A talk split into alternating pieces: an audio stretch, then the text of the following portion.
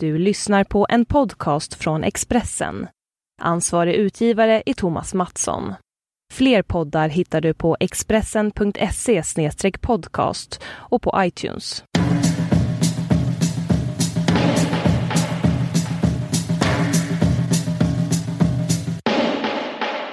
När det här sänds kommer det vara dagen innan julafton. Jag menar lilla julafton. Mm. Jag vill, jag vill ge en gåva till dig som, för stämningens skull. Va? En, alltså en, tech, vad ska man säga, en ljudgåva. Du ska få den av mig. Alltså jag ska säga en sägningsgåva. Gud vad fantastiskt. Det är att Mick Jagger ska bli pappa igen. Skriker. Skriker, rullar runt, blir pigg. upp och ner. Vi joggar på soffan jättesnabbt. Headbanger. Fy fan vad sjukt. Gud vilken fantastisk eh, piece of information. Nej, men jag bara tänker att det är så mycket snack så här om att eh, om man blir äldre och så, så blir man inte så fertil längre. Alltså så många tjejer som är så här, hjälp, eh, måste så här, skaffa barn nu. Men det här tycker jag ger hopp om att man kan vänta hur länge som helst. Jag tror Hasse Aro också har skaffat barn nu. Alltså, och han har också Den en jag vet om. Hasse Aros barn, det är att han har ett barn som, är, som heter Europa. Europa, Eu- Europa. Det är, det, är ju fint. Ja, men det var liksom också som en hyllning tror jag till EU. Eller att det var på något vis i samband med EU. Alltså att han ville som den, döpa henne efter liksom um, det, det, det fantastiska fredssamarbetet mellan länder. Ja, det är flummigt i och för sig. Um, det är så här eh, när högern blir eh, liksom eh, eh, hjärtat börjar svälla hos dem. Det är, för vänstern är alltid så här eh, döper sina barn till Shanti och sånt. Ja, så, så här, saker som betyder fred eh, på hindi. Ja. Men jag tycker det är spännande med så här flummiga högernamn. Ja, Mejla jättegärna oss om ni har något annat exempel på när högern får dimmig blick och döper sitt barn till något utflippat för att de har något värde de vill liksom sätta eh, eh, på pränt Ja. via sitt barnnamn. Men det känns som ingen kan bli så flummig som högern. För att en flummig vänsterperson är en förutsägbar vänsterperson, om du fattar vad jag menar. Alltså, det Absolut. Shanti, liksom, ja men självklart liksom, ska ditt barn heta det. Men alltså, högern har som potential att liksom, eh, att eh, plöja flummig mark. Alltså det, det, det är något härligt med en sån riktig toka, liksom, eller to, toker. Alltså jag, jag tänker liksom att det är, jag bara tänker på de Rausing, hur, de, hur flummiga de var. Att de satt Åh gud! Ja. Gud!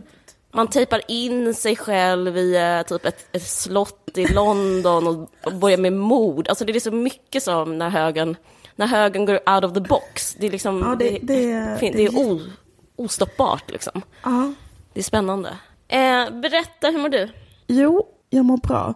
Jag var på... ehm, jag var och signerade igår i Akademibokhandeln. Jag signerade min bok. Fint ska det vara. Och då eh, hade de så dubbelbokat mig med en annan, för annars brukar de bara ha en författare. Men de liksom hade så här, ja, det hade blivit något fel i deras schema. Så de var så här, när jag kom dit så var de så här, nej men det måste, måste vara två. Och då var det så här, ehm, eh, det var inte vilken för, jag vill bara, det här är bara att jag vill bara ge dig ett, eh, en, ett ögonblicksbild eller ett, en, ett minne av hur det är att verka i Skåne Berätta. bo i Skåne. För då är det en eh, man som har, ehm, eh, jag vet inte om du känner till honom, men det är typ ett original som bor i Skåne som har ett kannibalmuseum. Förstår du det? Nej. Han, har, han går runt med en sån gammal inkaskjorta och typ sånt långt vitt skägg. Fast det är väldigt typiskt Skåne att tänka att, liksom, att all kultur ska vara i samma påse på något sätt. Att du och han ska vara ihop. Alltså jag tänker, alltså det finns liksom någon slags hög, högt i tak. Det är ingen slump att Lars Vilks har byggt sin egen grej där. Eller att han, Nej. Parks har spridit eh, nazistisk propaganda. Det är som allt får fin... Det är, som, det är lite danskt på det viset. Precis, men då sitter han bara bredvid mig och skriker så här. Åh, när jag var i Guinea-Bissau och träffade infödingarna, då ska jag berätta för dig att då, att eh, de är ju eh, fortfarande vissa stammar där som är kannibaler och de har vissa föremål, som, du vet. så. Och så har tecknat ner sina minnen av sitt liv. Han har varit ute och rest jättemycket. Jag kan tänka mig att du, du är så rolig i sådana sammanhang, för du är så artig som eh, människa. Och det är så kul, för att du, om man så läser någonting du har gjort eller eh, ritat eller skrivit så är du jätte så här, har en massa åsikter hit och dit och teorier och så här. Men så fort någon så här, eh, kanske, om du skulle träffa typ en gammal kolonisatör så skulle du, jag ska tänka mig att du kan sitta en hel middag utan att säga något kritiskt till den personen. Så jag kan verkligen se Så det. är jag. Ja, Och ehm, det var ju som att sitta, det var ju som att jag sitter bredvid en av mina egna seriefigurer. Ja, alltså, precis. typ en sån eh, gubbe som sitter och gormar om infödingar och eh, hade han en fanbase då? Kom ja det? visst, absolut. Eh, han har ju, han har, han har, men han, eh, han kanske på ett sätt kan räknas då till flummig höger. Ja, verkligen. Oanade... Eller men i alla fall en, en person pre kost, postkolonial teori. Alltså en person som fortfarande rör sig eh, liksom I'm gonna party like it's before Frans Fanon. Typ. Ja, precis. verkligen. Eh, nej, men en annan sak med flummig höger är att de alltså, eh, det kan liksom, det kombineras med en slags brist på moral. Jag tänker på hur man är med så här, djur och Alltså typ en flummig högerperson skulle kunna ha på sig eh, också typ en tiger en tigerpäls, alltså utan, med huvudet kvar. Alltså det finns så mycket... Ja. Jag bara tänker på... Absolut. Och, och han kanske skulle liksom adoptera personer, alltså den här personen. Alltså det, det finns liksom, det, det är um, ändlöst det där. Jag är rädd för att jag har blivit en mamma-maskulinist. Du vet, det har funnits en debatt om pappafeminister. Ja. Som är så här pappor som blir eh, feminister efter de har fått döttrar. Mm. Och då blir de plötsligt så här... Eh, de, jag, jag tänker att det har också handlat om att få barn. För då kommer de i kontakt med så här, traditionellt kvinnliga sysslor. Så att de börjar liksom uppvärdera dem. De börjar så här, förstå vad det är. Om de är pappalediga typ så får de så här... Ja, det är det här kvinnor har gjort i århundraden och sånt där. Mm. Det är en sån sak som har hänt mig nu. Sen jag flyttade in i min nya lägenhet. Mm. För att jag var tvungen att göra så fruktansvärt mycket, ehm, vad heter det? Alltså typ sådana slags eh, sysslor som eh, är att skruva isär en lampkontakt. Kan du Och- det? Jag har lärt mig allt det. det där, för mig är det där fysiskt omöjligt. Jag, jag är otroligt imponerad nu. Jag har i alla fall kommit på en skitbra minnesregel när det gäller att montera lampor. Och det är så här att det finns två sladdar, en brun och en blå. Det man måste komma ihåg är att den bruna ska gå till L. Och då eh, tänker man automatiskt, eller man skulle kunna tänka så här, den blåa ska gå till L. Och då skulle minnesregeln vara alltså L som är Liberalerna och det är blå, deras färg är ju blå. Blå ska till Liberalerna. Men det man ska komma ihåg då är så här, det är brun som ska till Liberalerna.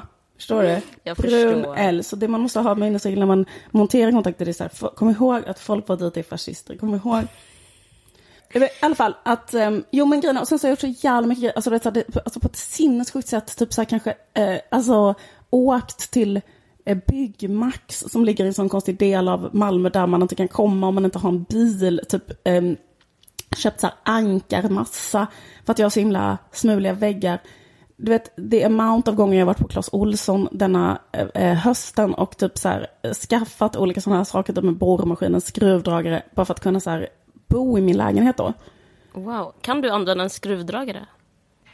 Nu kan jag det, fast grejen också att jag ska säga att jag är så jävla kass på de här grejerna. Typ att, men det är så, och det är sånt, det är sånt, det är sån jävla, det har innefattat en sån jävla förtvivlan. Typ att det är så jävla, jävla hemskt. Typ att man monterar upp en gardinstång kanske. Mm. Tre, och så ramlar ner så tre gånger med bara större och större, tar med sig mer och mer murbruk varje gång den ramlar ner. Alltså, och då är det ju såklart som att det är sån fucking jävla vetenskap då, liksom hurdana väggar man har. Kanske man försöker fästa med ett jättestarkt lim. Eh, kanske, alltså du vet att det finns olika slags skruvar för olika slags väggar, olika slags pluggar för olika slags väggar. Och sen eh, det sista nu är att man måste, eller jag har varit på det jävla byggvaruhuset, man måste ha så här, en grej som heter ankarmassa om man har så här gamla väggar. Men grejen är att för att varför jag gör allt det nu, för första gången i hela mitt liv, det är bara för att jag har varit ihop med en kille som varit så här väldigt eh, händig. Mm. Eh, alltså mitt ex då. Så jag har liksom aldrig gjort någonting själv. Nej. Och nu måste jag göra allting sånt själv. Eh, och då liksom... ehm, är det som att ehm, jag får kontakt med män genom historien. Vackert. Jag, jag liksom får, jag, alltså, för när jag då har klarat någonting, Mm. då får jag sån jävla hybris och sånt jävla självförtroende. Och känner liksom att detta är livet, förstår du? Jag har kunnat skriva upp krokar i såna smuliga eh, väggar av papp.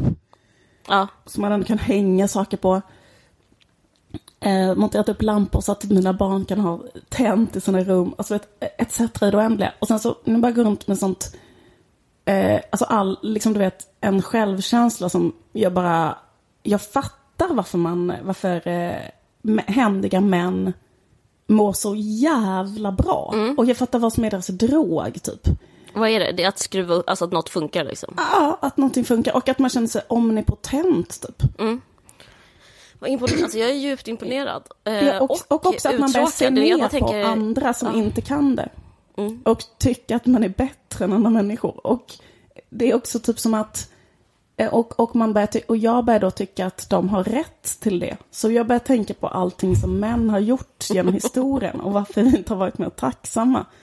Jag, jag, jag tänkte på eh, det därför att jag kommer ihåg att jag för länge sedan läste en sån blogg. Du vet att det tycker jag, det fenomenet har minskat, eller det har försvunnit nästan helt nu, men det var ju stort för några år sedan, sådana här maskulinitetsbloggar, kommer du ihåg det? Mm, lite. Eh, Fill me in. Ja men kommer du ihåg att det fanns eh, typ vissa sådana manliga bloggare som hade så antifeministiska bloggar och liksom drev Ja, en kampanj mot feminism. Det här kanske är fem år sedan. Fann, den mest kända var han den här Per Ström. Ja men precis, Per Ström. Ja. Ja, och sen fanns det olika wannabe Mm, som aldrig blev riktigt lika bra som Per Ström. Men, Eh, jo, men då kommer jag ihåg att de, läste, eh, att de skrev en lista på så här, varför män är förtryckta av kvinnor eller något sånt där, Mm. eller varför feminismen inte har några skäl. Sådär. Och då var en grej att eh, kvinnor ber alltid om teknisk hjälp och de gör aldrig någonting själva. Nej. Eh, typ att är så här, hur, många, hur mycket så här, gratis arbete, alltså en motsvarighet till det, det obetalda hemarbetet skulle vara att kvinnor ber om hjälp med teknik. Alltså typ så här, eh, om eh, deras skrivare har gått sönder och sådana saker. I alla fall. Eh, nu ger jag honom rätt. Mm, fräscht. Ja men absolut. Eh, men eh, du tycker, tycker att det är kul? Alltså jag tycker det är så... eh, alltså det här, det här, jag tror det här var vår värsta podd, de här minuterna när du pratade. Alltså det jag tycker det är så fruktansvärt tråkigt. Ja, jag, blev, jag, blev, jag, jag, Du känner dig jag bara tänkte att du skulle avbryta mig för att jag tänkte att jag behöver inte berätta så länge vad det är jag har gjort. Men, men, eh, nej, men, förlåt, ja, men fortsätt. Ja, berätta. Nej, det var ingenting. Det var bara det att Ja. det kändes som att gå till tandläkaren när du pratade. Alltså det var fruktansvärt att höra dig säga sådana ord och borr och Jag vägg och sånt. Men, men jag har haft li, alltså, li- liksom ångesten för att så här, börja ta tag i det. Det är som att någon skulle säga till mig, eh, liksom, eller jag skulle hellre typ så här, springa till maraton eller äta upp den här kokta hjärnan. Alltså så ja. har det känts att, Men det är jätteimponerande. Men samtidigt så har det varit som en situation som är så här, det hänger bara sladdar från taket. Och sen så försökte jag i desperation se om det fanns någon som kunde göra det, som jag kunde betala, eller förstår du vad jag menar? Så jag var också redo att eh, bara... Ja, men precis, vad hände med allt det men- där? Vad hände med så det- deg? Jag vet, men grejen är att de gör inte sådana små grejer. För detta är liksom Aha. skit för en människa som är typ, det är ju liksom inte en snickare som orkar åka ut till en jävla idiot och liksom borra ett hål i en vägg. Men jag måste fråga en fråga som jag vet att lyssnarna undrar nu. Mm. Och den är oundviklig. Du har ju avslöjat Det är varför innan. gör inte min nya kille det? Ja, exakt. ja, ja, exakt.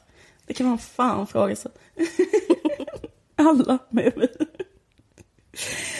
Nej men då är det som att han är ännu, alltså hatade ännu mer än mig. Okej. Då är det som att han är typ så långt borta från det så att han kan liksom inte ens tänka tanken att ta tag i det. Okej, ja. Då får du helt enkelt göra det. Jag måste helt enkelt göra det.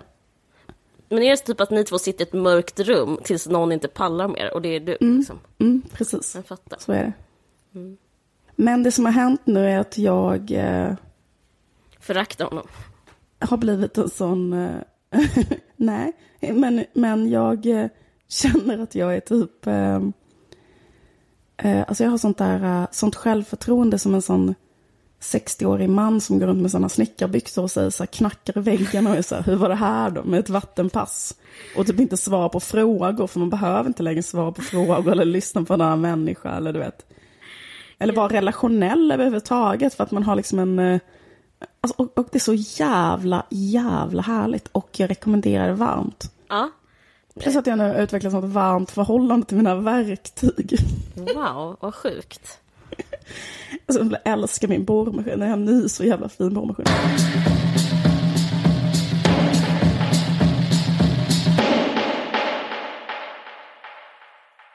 Jag måste bara säga en snabb sak om skam. Har du hängt med i den debatten om skam? Mm, Nej, vad- vilken syftar du på? Eh, bara en idiotisk debatt som finns. För, eh, då är det att folk är jättearga på en karaktär i Skam. På grund av att han inte följer samtycke. Eh, han, jag vet inte vad han heter, han är rätt så snygg och sen så, eh, så stöter han på Nora. Och, Ja. one take no for an answer. Och då är det så här, Just jo, det. okej, skam... William. Vad sa du? William. Ja, precis. Skam är ju bra och sådär, men ehm, eh, vi är ändå emot det. Vi måste ändå så sätta emot eh, det. Liksom, vi kan inte hålla på och hylla det i all evighet för att eh, William vägrar, han liksom har stalkerbeteende, han liksom har förtryckarbeteenden och han eh, emot samtycke. Och det ser man här och här och här och här. Och så är det typ världens längsta debatt om att William gör fel. Men jag vill bara liksom bara, apropå liksom, det känns som att det, det här kommer sammanfatta hela den här fem sista åren eller tio sista åren, hur man ser på så här verk och person. Alltså att det här, det här är ju, att de, de är arga på en fiktiv karaktär och tar avstånd, alltså tycker att skam är moraliskt fel på grund av att en person som är påhittad agerar sexistiskt. Visst är det sjukt? Ja, det är väldigt sjukt. Det är för fan fiktion, skärp er. Jag vill bara, om någon skulle lyssna och höra, jag vill bara säga det. Och sluta. Ja, det, det är märkligt att det, att det är så. Fast det, det känns lite som att...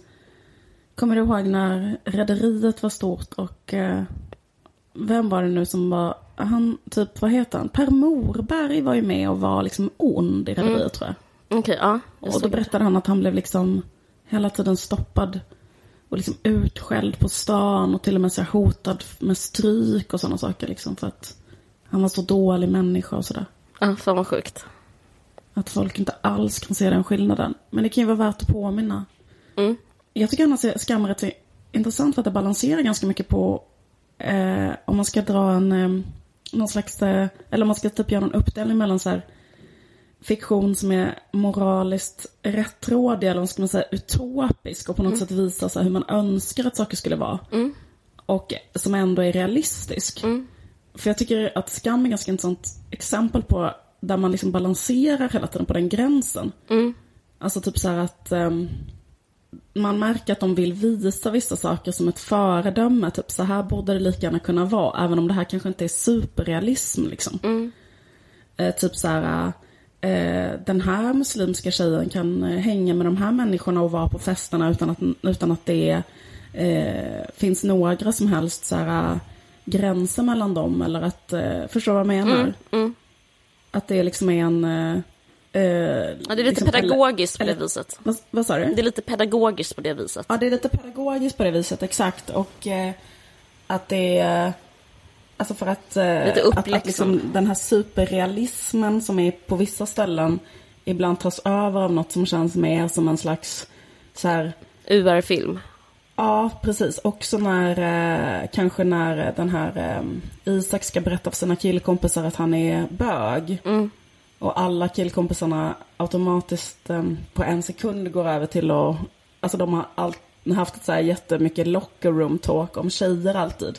Och sen så går det helt sömlöst över i att ha ett locker room talk med honom om den här killen. Alltså typ att Innan snackade vi om vilka tjejer vi vill knulla och nu kan vi på en sekund sitta och prata med dig om att eh, ge dig så här, tolka sms angående den här killen och sådär. Mm. Och, alltså, och, och grejen är så att jag tror att liksom, det är inte som att jag inte tror att det kan hända så men alltså typ att så här, och jag tycker också det är superskönt att slippa se den jättetrötta konflikten, typ att hans killkompisar skulle vara homofoba och så. Men liksom, men man tänker att så här att, ja men just att, att det är något sådär med vad är realism och vad är lite mer pedagogik liksom i serie. Mm. Precis, ja, men det är det som gör väl till liksom ungdoms...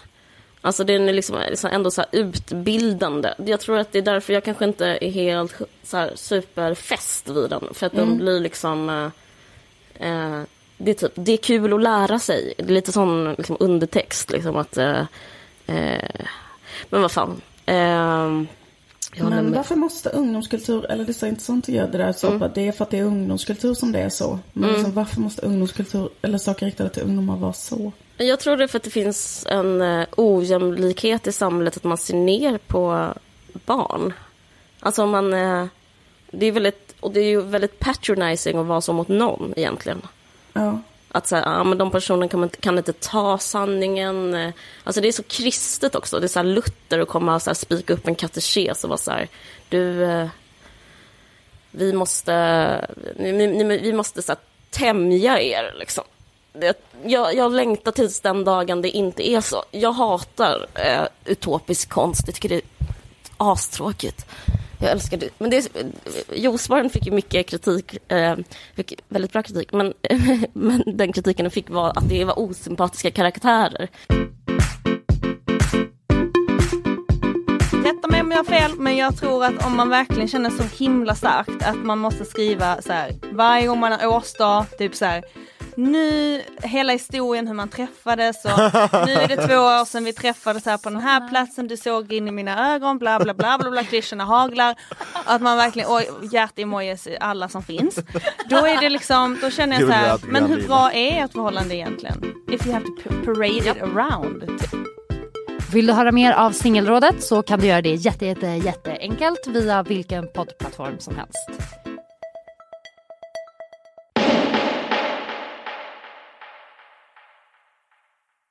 Jag såg på Insta att, eh, du fått in, att du bidrog till Musikhjälpen. Och du har sålt en jättefin skål. Ja, Och eh, precis. det, den som har köpt den är Henrik det, eller någon som har användarnamnet Henrik Schyffert på Tradera. Ja, men så kan det vara. Men det är många som har fotat honom där och skickat bilder till mig. Alltså det här är utanför, har inte med dig att göra, men för att eh, Juicebaren-fans, det här tycker jag är väldigt kul, för att de har sett avsnitt fem av Juicebaren som handlar om en person som är känd och som kommer till Juicebaren och ska fota sin dag på det eh, sättet som, eh, som typ eh, Henrik Schyffert skulle kunna göra. Och alla bara, gud, eh, han, eh, Peter Andersson, det är Schyffert, det är Schyffert. Och det roliga var att eh, jag ville att Schyffert jättegärna skulle spela den personen, för det, jag, den är faktiskt baserad på Henrik Schyffert. Och, eh, men Johannes Bakunke, han som spelar turist, spelar istället.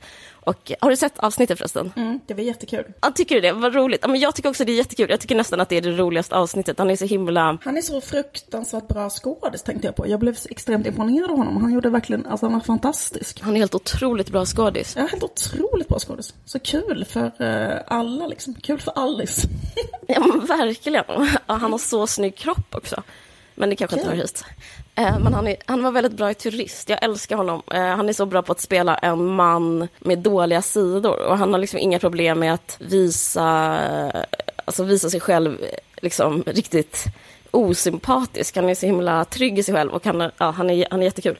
Men det roliga var att den skulle gå till Henrik Schyffert, den rollen, men han, var, han kunde inte för han var i Colombia på semester, vilket också är väldigt så här, typiskt för rollkaraktären. Men, sen, men den är baserad på eh, Filip Hammar och det är också typiskt för Henrik Schyffert för att den handlar om en person som är så här, en manlig viktpendlare, vilket Henrik Schyffert sa i, han var gäst i Breaking News, som sa att han också var. Och eh, jag tycker den typen av karaktär är väldigt rolig och jag blev så himla så här, full i skratt när jag fick reda på att han har köpt din vas. För den karaktären är också en person som så här, samlar på konst och typ eh, konst av en feminist och så här. Ja, men det, det känns som verkligheten och fiktionen liksom blir samma. Det, men ja, folk, om ni inte sett det får ni se det. Det är, jätte, det är jätteroligt. Det handlar liksom om en manlig kändis, om någon, som, en lokaltidning som ska fota hans dag, det avsnittet.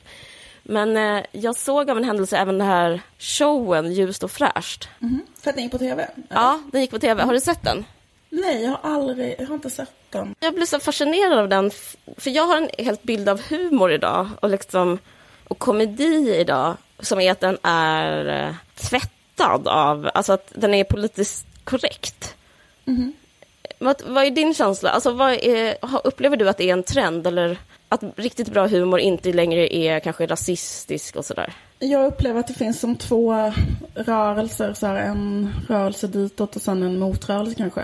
Ja, Fast om, tänker du säga något om den här så tänker jag att den är rätt så gammal. Alltså jag tror, undrar om den inte är nästan fem år gammal eller något sånt där. ja precis, men det, men, det tänkt, men det är det jag tänkte säga. Att, Ja. att, eh, För det skulle jag kunna tänka mig att det var annorlunda klimat då. Ja, men jag tycker de det är intressant hur Ja. den utvecklas, alltså vad som är, alltså vad en högstatuskomiker är idag och vad den är, och jag tycker liksom hur resan är, alltså någonting som förvånade mig, som, för den är bara, jag tror den är fyra, kom för fyra år sedan, och att det var skillnaden på nu och då, för att, Ja. för det är så väldigt mycket så sexistiska skämt om typ att äldre kvinnor inte kan vara sexiga och att Claire Wikholm säger de att hon är gammal och ful och osexig. Och det känns, det är så intressant att SVT bara visar det nu, alltså det blir mer som tidsdokument än, än som underhållning.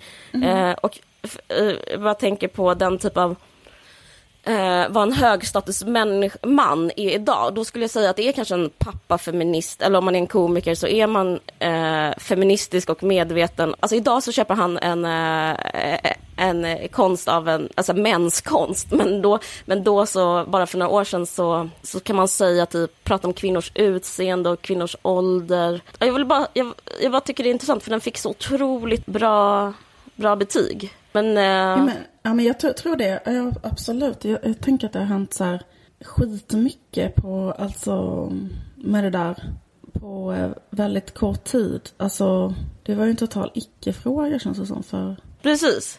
Jag, jag bryr mig om det av liksom privat, eller inte privata, utan professionella skäl. Jag undrar så här, vad är, vad är makt och vad är... Eh, alltså för han anses vara roligast i Sverige. Nu pratar jag inte om honom som en... eh, jag pratar om honom som en yrkesperson. Och sen så, jag känner inte honom som tur är, därför känns det lättare att prata om det här. Men vad är makt i... eh, att han har mest hög, eh, hög status i Humorsverige, skulle jag kunna så här, säga utifrån min blick. Det kanske han inte har. Det kanske någon mejlar och säger att det är den här som har det. Men jag ser honom så. Och jag tycker bara det är intressant vad som är makt eh, nu och då. Att, eh, att han, att vara så här, en feministisk person som säger rätt, eh, rätt saker. Det, jag tycker det är intressant att det sammanfaller med, eh, med status. Eh, jag känner mig liksom... Eh, jag vet inte. Jag bara tycker det... För, för det, han kommer ju från en tradition, alltså de, bara det, ja men Killinggänget, att det bara var killar och de skämtade typ om asiater och liksom sådana grejer. Alltså det, det är väldigt positiv utveckling. Ja, jag bara liksom, om- jag ska säga vad jag tror Ja. ändå, så här, som kan typ skrämma mig lite. Det är liksom som att jag tror att den där trenden är så helt på väg att vända. Alltså, Ah, jag tror, nej. jo, jag tror liksom att det kommer en jättestark bash, backlash. Jag tänker att, att eh, ja, det fanns en jättestark eh, så här, politiskt inkorrekt trend i USA när Trump vann som satte ord på saker folk kände. Så jag tror att vi kommer se liksom slutet på hela den här, så här PK-eran liksom inom kanske ett halvår eller något sånt där. Det är totalt begravt. Fan vad synd, det har verkligen gynnat mig. Jag blir, alltså, jag, som Filip och Fredriks eh, vad ska man säga, feministiska förkläde har jag verkligen mått bra. Alltså jag har ju, de har ju betalt min hyra på grund av den här trenden. Alltså det känns Ja. jättejobbigt för eh, Ja. sådana som mig som, som är just det alibit. Och, eh, Mm. kan, jag vet inte, kanske om fem år kanske inte du skulle få en mänskonst jag eh, såld till en eh, För feministisk fem år sedan hade jag killkomiker. inte fått, det, för, fått en såld så. Fast jag vet inte, kanske är onödigt dystopisk. Hur mår du av julen? Jag frågar dig varje år och du vill aldrig prata om det. Men jag kan prata om det om du inte vill det. Eh, ja, gärna. Vill, vill du prata om det? Ja, men jag fick en insikt om julen. Åh, vad spännande. Men För jag mår alltså så fruktansvärt dåligt på julen. Det är som... Och det är inte bara jag, utan det är liksom självmordsstatistiken höjs. Alltså allt på alla, ny, det, alla högtider så, så um, blir alltid akuten överbelastad eh, av sådär, alltså psykakuten och sådär. Eh, och grejen är att folk mår svindåligt. Och så bara tänkte jag, och jag har liksom haft en jätte, fruktansvärd känsla i kroppen jättelänge. Eh, som är, jag, jag vet inte om de har med julen att göra, men julen jag tänkte, varför mår jag så dåligt? Varför mår jag så dåligt? Jag var på Hemköp när jag kom på det här. Jag bara, "Mm, det är för att julen är... Eh, vad brukar man må dåligt av? Jo, man mår dåligt av att vara utanför normen. Alltså jag kommer ihåg när jag jobbade på, när jag praktiserade på dokument inifrån så läste jag om lyckoforskning och då var det så här, tyvärr, det är väldigt tråkigt, jag har sagt det innan i podden, men eh, man mäter lycka genom eh, ju närmare normen man är, typ om man har två och ett halvt barn och bor i en hus, ett hus och har ett medelinkomst, det är de personerna som skattar sig själv liksom lyckligast och ju längre ifrån man är den här normen, till exempel om man är en nyanländ person som inte har ett hem, så har man, tenderar man att bli mer olycklig. Handlar det om normer eller handlar det om alltså, de materiella ekonomiska förutsättningarna, tänker jag? Ja men grejen, de är väl oftast, eh, faller väl in i varandra. Ja, men de behöver inte göra det. Men säg så här, en, en välbärgad transperson till exempel. Exakt, jag, vill, jag ville säga det men jag gjorde inte det. Men en transperson tenderar att vara olyckligare än inte en transperson. Ja, såklart. För att normen är att inte vara. Ja, precis. Precis, men det är ju Eh, självklart. Eller precis, ja, just det. Mm. Så är det. Eh, och grejen är att eh, det är inte bara materiella utan det handlar också typ om att gifta personer, det är så jävla deprimerande fakta, gifta personer är lyckligare än ogifta personer och så vidare och så vidare. Men alltså enligt den här jävla Liksom, det var någon, vad heter det, Folkhälsoinstitutet eller något sånt där. Det var en stor grej. Det var jobbigt att läsa. Men hur som helst så tänker jag, så tror jag att det är så här på, på ett visst sätt. Jag tror att Eh, bara att man kan känna sig, man kan få en bekräftelse i speglingen av att man tillhör en normalitet. Liksom. Ja. Och julen, jag tror att det är därför jag mår så dåligt i julen, för den är liksom normen, den är så extremt normerad. Den ska vara på ett sätt, den är, det är som en, ett schema liksom. Ja. Det är så lätt att vara onormal på julen och jag tror att det är det som stressar mig. Att jag, bara, Ja. den är så, jag är så långt ifrån. Jag har en känsla av att en gran ska se ut på ett visst sätt. Jag har en känsla av att man ska äta vissa grejer. Att ens föräldrar ska vara på ett visst sätt. Att man ska få vissa grejer. Att en bra julklapp från en kille ska vara på ett visst sätt. Att man själv ska ge en julklapp till sin kille på ett visst sätt. Och så vidare. Eller till vem fan man nu ger julklappar till. Men liksom att det... ehm, jag, jag hatar också normen. Det, Ja. det, det är normen det är fel på. Det är, liksom, det är julen det är fel på. Och eh, eh, jag tror jag aldrig haft en så här eh, en normal julafton och därför blir det liksom, därför kris, det, jag krisar då. Och Ja. många med mig. Ja. Jag vill bara, det är ett sätt, jag, jag, det här är så kul att vi har haft den podden ett tag, för varenda år säger jag samma sak. Ja. Då säger jag så här, det är inte er det är fel på, det är, det är julen, alla mår dåligt. Och jag vill liksom säga Ja. det igen, så att jag, för att jag vet hur det kan vara. Man kan känna otroliga utanförskapskänslor, alltså det skruvas upp liksom.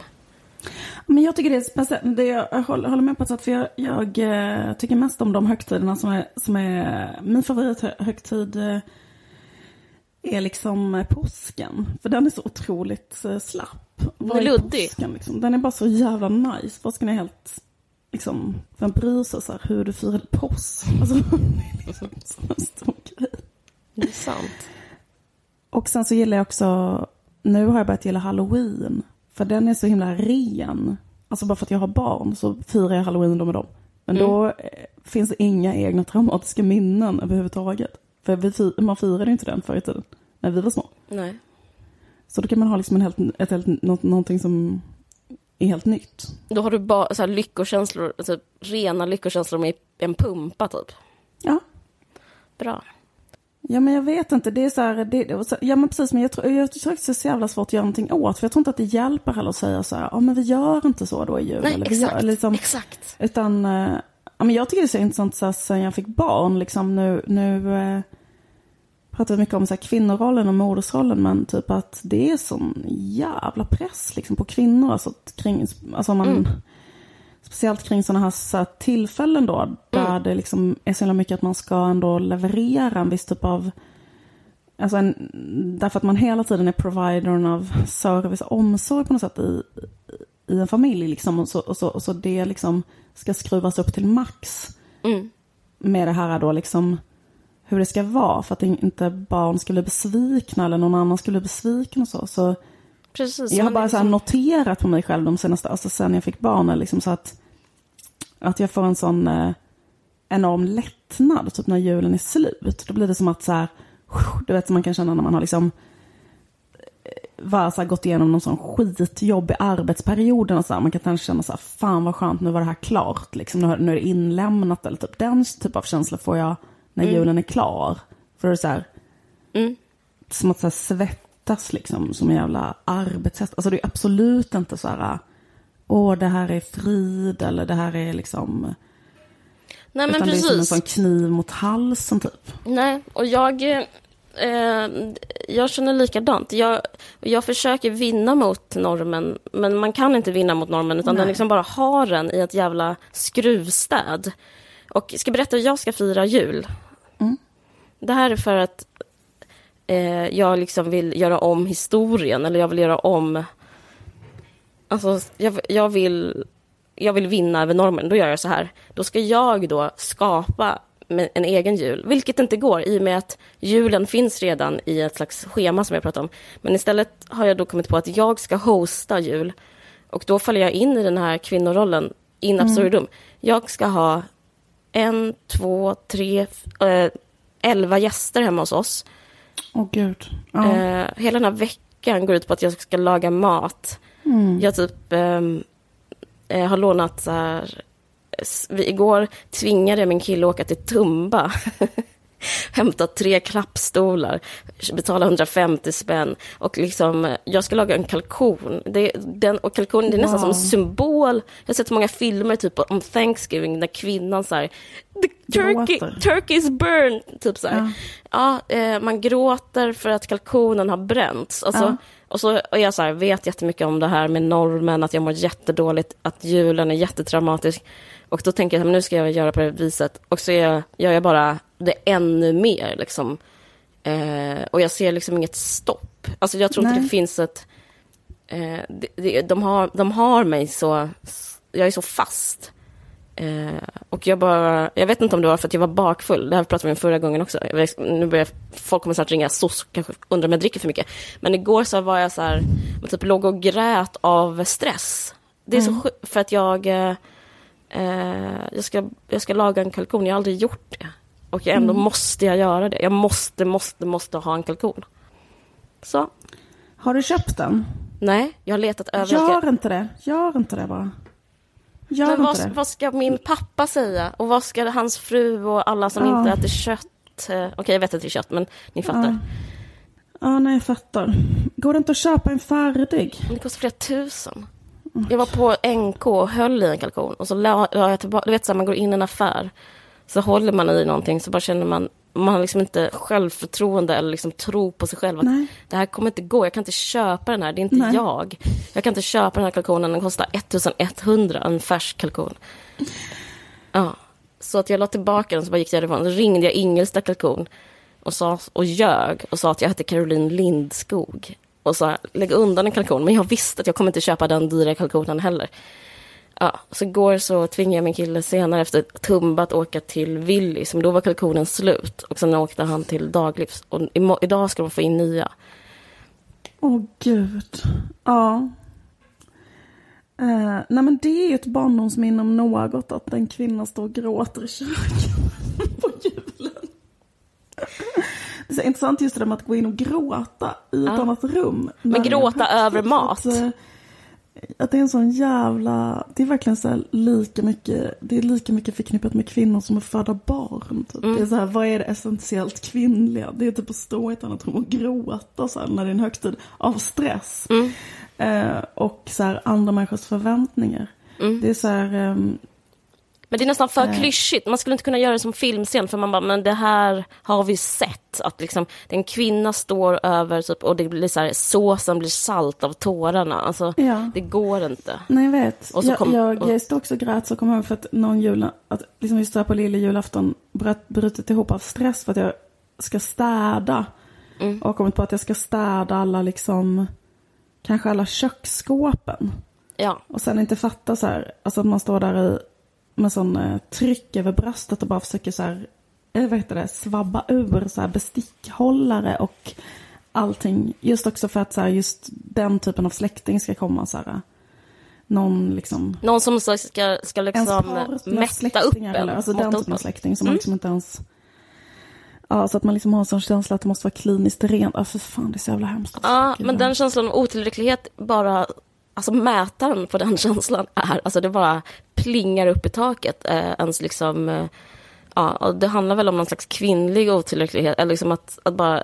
Man ska fan klara att hosta, att bjuda och allt ska liksom vara rent och helt sinnessjukt. Det finns vissa äldre kvinnor, eller det finns, jag kommer på någon så här äldre kvinna i min närhet som har varit så här att hon har bara bestämt sig för att aldrig hosta något under hela sitt liv. Så hon har liksom aldrig gäster, eller, alltså hon bor i en hon är liksom mamman i familj, men har bara, liksom för att hon får så mycket ångest av det, så att hon har bara så här, nej men det är oöverstigligt för mig, så att jag kommer aldrig göra det, bara punkt liksom. Ehm, det var på ett sätt lite intressant, liksom, att bara sitta med en sån tallrik fil istället. Typ. Ja. Fast, eh, men det är också så här, eh, jag vet inte, då tänker man ju att det inte är bra liksom, eller det blir inte mysigt eller Nej. Men det är ju totalt kört efter att man har fått barn, för då känner man ju att man liksom gör någonting mot dem. Ja. Alltså jag, ett, ett femårigt barn som liksom, alltså redan innan första advent, alltså typ att han har noterat att andra människor har sådana här ljusbågar. Han är fem, alltså apropå hur mycket han plockar upp, alltså du vet sådana ljus, elektriska ljusbågar i fönstren. Mm. Och bara liksom är utom sig för att vi inte har det. Alltså bara så varför, varför, så varför har du inte fixat det? Liksom, Varför har du inte, varför har inte vi det? Alltså hur kan du på ett hem vara så jävla otrevligt så att vi inte har sådana? Alltså, typ. Skaffar du det sen då? Ja, då måste jag ju skaffa det självklart. För jag vill inte snäll förstöra hans barndom genom att Nej, han ska fint. känna så att det är så jävla omysigt hemma hos oss. Ja, men Liksom. sånt stressar mig Så också. det. Alltså, jag, jag vill verkligen ha det här sagt. Eh, att eh, jag tycker att man ska skänka pengar till Aleppo och så vidare. Ja. Eh, till offren där och inte köpa julklappar. Men eh, det finns någonting som att, att ta den moraliska diskussionen med barn. Du får inte en julklapp på grund av... Eh, det är liksom ett annat... Det är liksom, ehm, jag, tycker vux, jag tycker det är perverst att vuxna ger varandra julklappar. Men, men eh, just det här med att, så här, Att, vägra att barn vuxna ger varandra julklapp. julklappar, att det är perverst. Ja, Ja, det tycker jag. Men, men ehm, det är inte perverst att ge ett barn julklapp för, det, för, för man, de fattar inte den här moraliska... Eh, de fattar liksom inte. Eller sådär. Du skulle inte kunna säga till din son det är ett kommersiellt jippo. Alltså jag blir väldigt så här illa berörd när folk säger sånt till barn. Typ, vi ska inte ha en sån ljusbåge för det är bara en eh, Nej, kapitalistisk... men, nej, alltså det går ju inte. Nej. Men sen så kan jag känna med mig själv, för liksom, om jag ska vara helt ärlig så är jag också så ganska mycket typ en overachiever som förälder. Så liksom, Just det, då, nu har jag det. gjort det så mysigt så att det är sinnessjukt. Alltså, du, ska Mm. se, du kommer komma hem till mig, men alltså, det är så fruktansvärt mycket liksom, julstämning i, i det här huset. Det är som pre, Fanny och Alexander innan de träffade den där prästen, så är det hemma hos mig nu. Liksom. Det sån asnice. farbror som tafsar på folk, sen kommer hela julen vara helt komplett. Liksom. Ja men tur för dig, för att jag har ju, samma, alltså jag har ju så här outredda eh, känslor som barn, så jag har exakt samma känsla som din femåring, så att jag mår också dåligt om jag inte får en sån ljusbåge.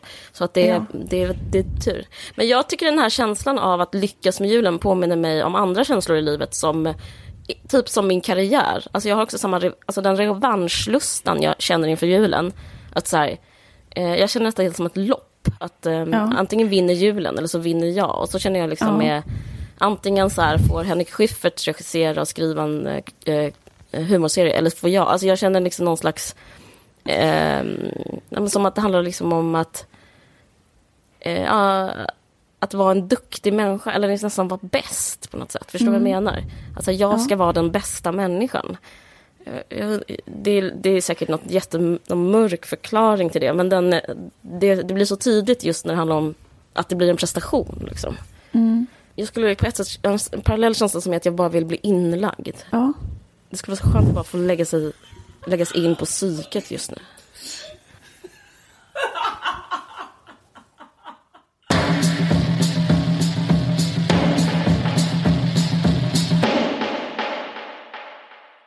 Jag kan bara säga en sak om den här glaskonsten. Mm. Jag... Eh, ehm, jo men grejen att jag har börjat göra jättemycket mer. Eller jag, jag har gjort eh, vissa saker som har blivit så fucking jävla fina. Mm.